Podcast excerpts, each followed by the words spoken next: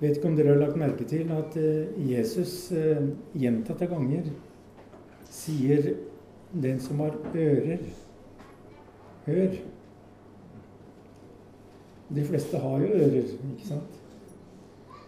Så det er en stor målgruppe her.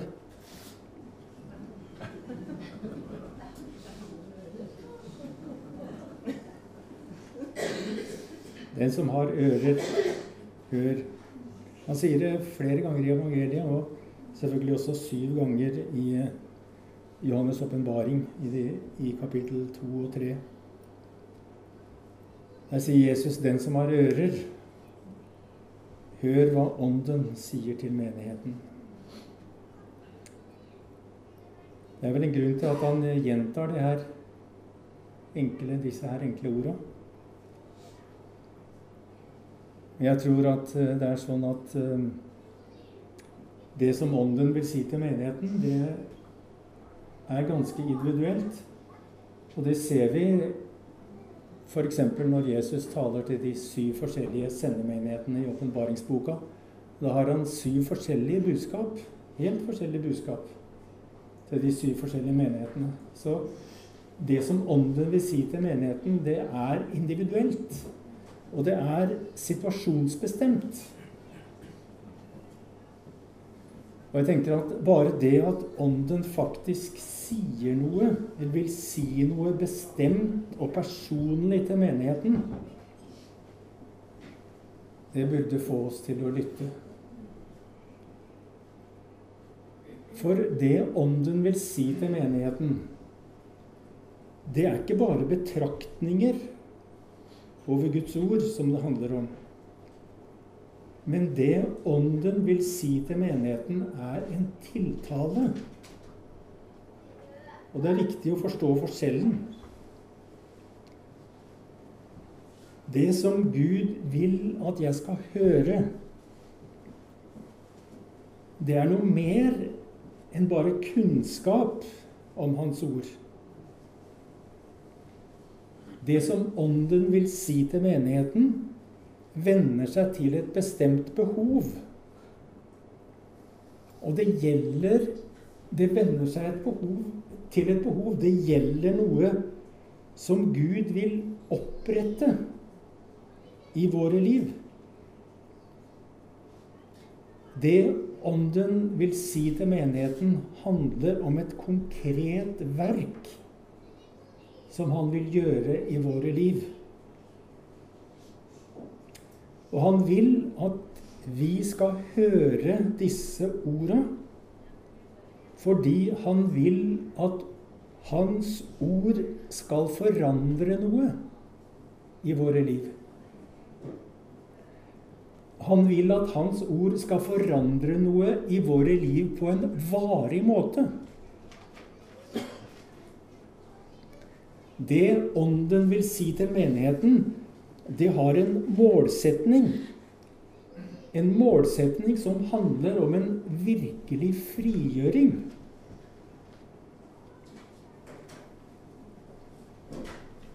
Og det vi skal legge merke til, er at det er viktig å ikke slippe taket i det Ånden vil si til menigheten, før det får utføre det det er sendt for. Jesus sier, 'Dersom dere blir i mitt ord, skal sannheten gjøre dere fri.' For den Sønnen gjør fri, blir virkelig fri. Så det Ånden vil si til menigheten, er altså noe mer enn informasjon det Ånden vil si til menigheten, er noe han vil vi skal leve med. Noe han vil gjøre til en erfaring i våre liv. Og Derfor er det også viktig at vi blir i det til det får gjort sitt verk i våre liv. Til det blir integrert i våre liv. Derfor tror jeg at det Ånden sier til menigheten, det vil han gjenta og formulere på forskjellige måter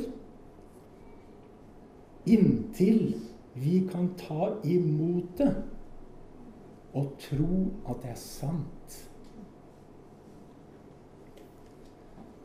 Så åndens situasjonsbestemte tiltale til menigheten vil han gjenta og repetere til det sitter. For ordet som Den hellige ånd sier til menigheten, er ikke ferdig med oss i samme øyeblikk vi har hørt det. Jesus vil at vi skal bli i det ordet vi har hørt. For at vi gjennom å bli i det ordet vi har hørt, skal komme til å kjenne sannheten. Og komme til en erfaring og virkelig frigjøring gjennom det han sier.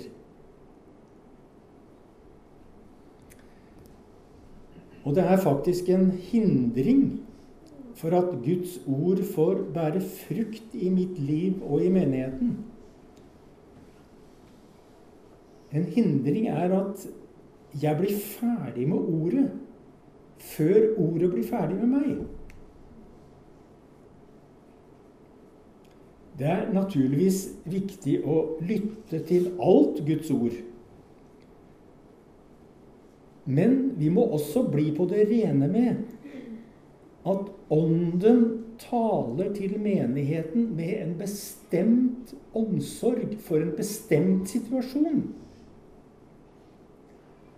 Og vi må la dette ordet få den plassen det behøver og det rommet det behøver i menighetens liv. Vi må la ordet få komme til sin rett. Ta det tida den trenger, slik at ordet får utføre sin hensikt. For det Ånden sier til menigheten, har en hensikt. Det vil utføre et verk på dypet i våre liv. Og det vil forandre oss.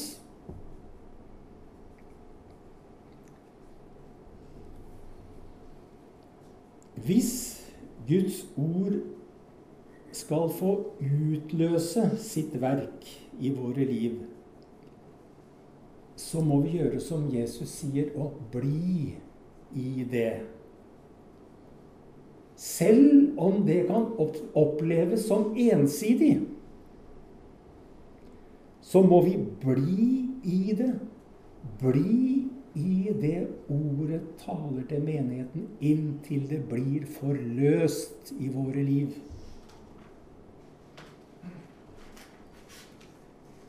Og vi må våge å grave dypere i det som Ånden taler til menigheten, og oppdage nye dybder i det som vi kanskje først bare så et glimt av.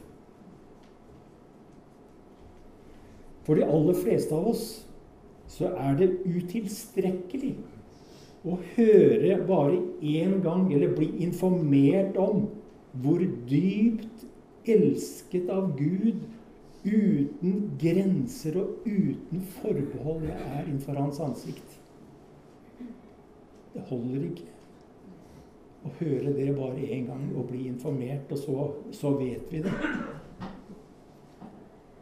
For ordet er ikke ferdig med meg før jeg har tatt imot det på dypet av mitt hjerte og kan hvile i det.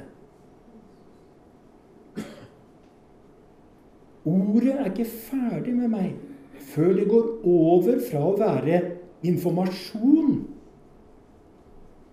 til tro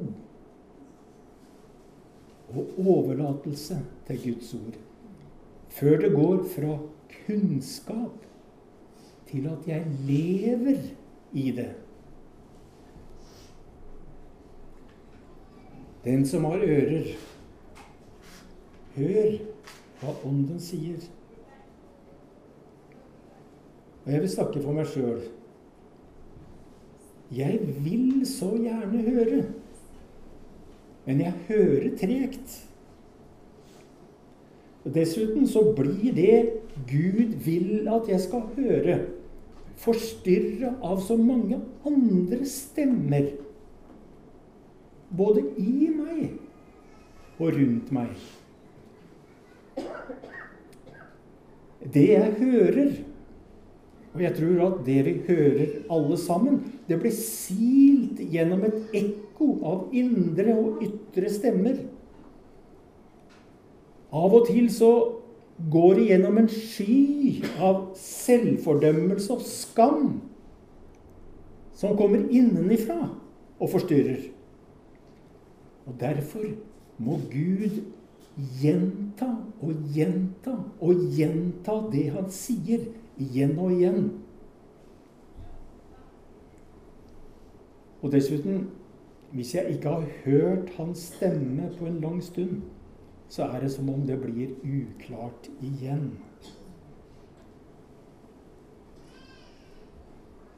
Når vi lytter til Guds ord, så er problemet oftest ikke, ikke hva som blir sagt, eller hva som står skrevet. Men problemet er hva jeg hører, eller hvordan jeg tolker det som blir skrevet, eller står skrevet. Så problemet er ikke det som står, men hvordan jeg hører det. Og hvordan jeg tar imot det. For jeg kan høre det Ånden sier til menigheten, eller Guds ord. Jeg kan høre budskapet på en måte som tilslører det som egentlig blir sagt. Jeg kan gi noen eksempler på det som jeg tror du kan kjenne igjen. For eksempel Hva hører du når du hører Jesus sier Omvend dere, for Guds rike har kommet nær. Er det du hører Eller hører du altså som om Jesus sier at du må ta deg sammen og bli et bedre menneske? Da hører du ikke hva han sier. For det Jesus egentlig sier her, sier her Hvis du lever med ryggen mot Gud, så snu det. Vend deg mot Gud. Så vil Han gjøre noe nytt i ditt liv. Det viktige er ikke bare hva som blir sagt, men hvordan vi hører det. Å være omvendt er ikke å være et feilfritt menneske, men det er simpelthen å være vendt mot Gud og snu seg mot Han. Eller hva hører du når du leser budene, eller det som Bibelen kaller for loven? Hva er det dere hører når dere hører loven? Hører jeg loven som et krav som jeg må oppfylle for at Gud skal godta meg. Da hører jeg ikke hva loven vil si meg.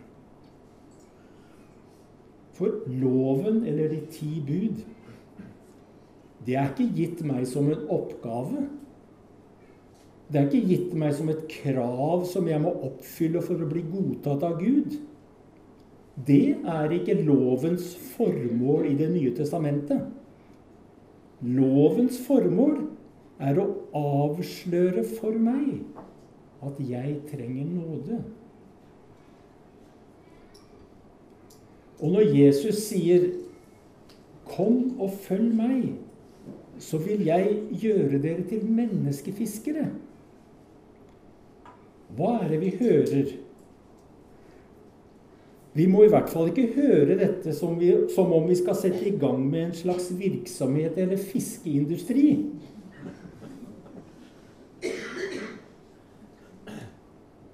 For det Jesus sier, er en metafor, et bilde, som kan misforstås. For hør her vi skal jo ikke fange noen. Og vi skal i hvert fall ikke få noen på kroken. For fiskerne ved Genesaretsjøen så handler det, handler det Jesus sier, om, en, om, han, om at han hadde en høyere mening med deres liv. Det var det han ville de skulle høre. For de fiskerne ved Genesaret sjøl så var selvfølgelig også dette her et ordspill. Jeg skal gjøre dere til menneskefiskere. Men budskapet, hørt på rett måte, handler om at Jesus har en høyere mening med deres liv. Og det har han med oss alle, uansett yrke. At det handler handlet om at de gjennom ham skulle bære frukt for Gud. At skulle, og at de skulle løfte blikket fra en definert og begrensa rolle i livet, som fiskeren har i dette tilfellet, til en ny mening i Guds rike. I Guds rike som har kommet nær ved Jesus Kristus. Den som har ører, hør hva Ånden sier. Og det Ånden vil si til menigheten, det er først og fremst noe helt grunnleggende. Noe helt grunnleggende som Ånden vil si til menigheten. Og som han framfor alt har å si til oss i dag. Og det mest grunnleggende om den vil si til menigheten i dag, eller til oss her og nå, da. Det er simpelthen at du er verdsatt, akseptert, sett og elsket av Gud. Det vil Ånden si til menigheten. Og den som har øre, hør. For bare på denne grunnlagen, denne grunnvollen, at vi har hørt og tatt imot og trodd og omsatt i vårt liv at vi er verdsatt, vi er akseptert, vi er sett, og vi er ubegrensa elsket av Gud.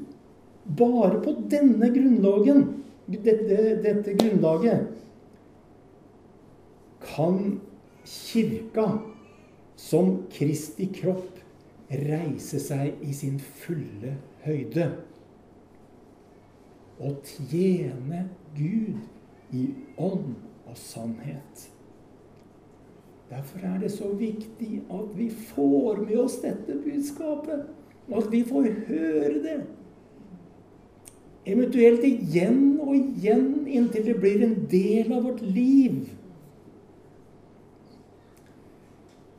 Sånn at vi som kirke og som enkeltmenigheter, eh, kan overføre det vi har fått vi har jo ingen annen, annen, ikke noe annet å gi enn det vi har fått.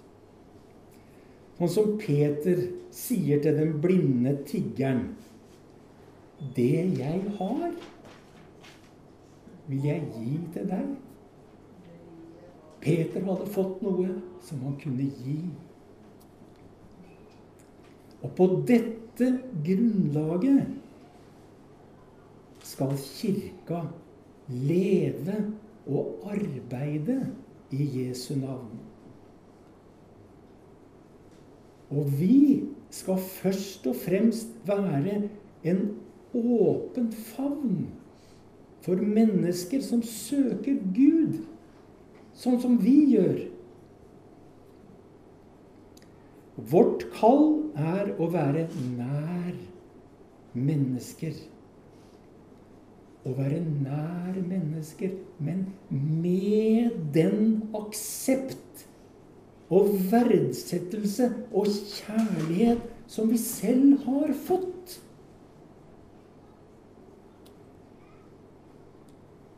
Og for å kunne være i det, så må jo vi selv bli i Kristus og komme til hvile i ham. Bli i meg, sier Jesus. Bli i min kjærlighet. Bli i min nåde. Bli i min fred. Det er den grunnmuren alt bygger på. Og når mitt liv, eller vårt liv, hviler på denne muren, da kan det komme motgang, kamper og blåse harde vinder. Og på dette grunnlaget kan jeg ofre og forsake og gi mitt liv. Og på dette grunnlaget kan jeg arbeide, kan jeg ta ansvar og tjene Gud. Men aldri for å bli elsket. Aldri for å bli verdsatt. Aldri for å bli sett av Gud, for det er jeg allerede. Og det kan jeg aldri miste. Derfor sier Den hellige ånd, den som har øre, hør hva Ånden sier til menigheten.